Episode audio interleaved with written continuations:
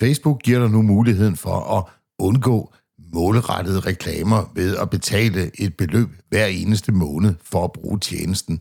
Men er det en god idé at betale? Det snakker vi om i denne uges udgave af Cyberværet.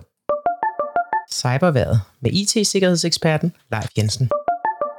Velkommen til Cyberværet for uge 46. Måske har du allerede opdaget, at når du går på Facebook, så er du blevet bedt om at tage stilling til, om du vil fortsætte uhindret og ganske gratis med at bruge Facebook, og dermed få målrettede reklamer baseret på din adfærd på Facebook og andre steder på nettet.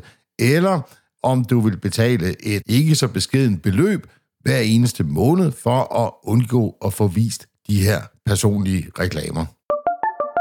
Min anbefaling er, at du lader være med at spille penge på et betalt abonnement til Facebook, og i stedet gør det til en vane og sætte et lidt mindre digitalt fodspor, når du er på nettet.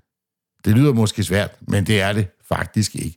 Det er nogle ting, du relativt nemt selv kan gøre. Det handler bare om at gøre det til en vane. Her kommer mine fem gode råd til, hvad du selv kan gøre for at minimere dit fodaftryk på internettet, og dermed også minimere antallet af målrettede annoncer, du ser på Facebook. De første fire råd, de er ganske lette at gå til. Nummer 5 er måske for de lidt mere øvede. Nummer 1. Brug ikke Facebook til at logge ind. Det kan være fristende at bruge de sociale medier til at logge ind andre steder, men ved at gøre det, så lader du dem også udveksle informationer om, hvad det er, du laver, og dermed kan de spore din aktivitet på tværs af tjenester. Nummer 2. Log ud fra Facebook. Du bør altid logge ud fra de sociale medier, når du ikke bruger dem. Når du logger ud, så sikrer du også, at de ikke kan holde øje med, hvad du laver på andre tjenester. Nummer 3. Log ud af din Gmail. Hvis du bruger Gmail i en browser, så bør du gøre det til en vane altid at logge ud, når du er færdig med at tjekke mails. Samtidig så skal du slette din historik og cookies fra din browser. Det bliver nemlig brugt til at indsamle data om dig med. Og hvis du ikke er logget på din mail, og dermed ikke er logget på Google, så er det lidt mere begrænset, hvilke informationer de kan samle op omkring dig og sælge videre til nogle andre, der gerne vil lave annoncer. Nummer 4. Gennemgå dine privatindstillinger på Facebook. Ved at gå indstillingerne igennem på din Facebook-profil, så kan du minimere, hvad Facebook må indsamle om dig. Det skal helst ske fra en computer, der får du nemlig adgang til de fleste muligheder, og du har også lidt bedre overblik end på den lille mobiltelefonskærm. Nummer 5, og det er så den, der er for de lidt mere øvede. Du kan bruge en speciel DNS-tjeneste. Noget af det mest effektive, du kan gøre for at forhindre sporing af din aktivitet, er at bruge en DNS-tjeneste, der kan fjerne links til annoncer og sporinger.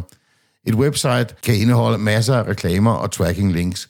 De holder øje med, hvad for nogle sider du har besøgt, og hvad du laver, og indsamler øh, alle de her oplysninger, og i mange tilfælde, så bliver de solgt videre til nogle andre, eksempelvis Facebook.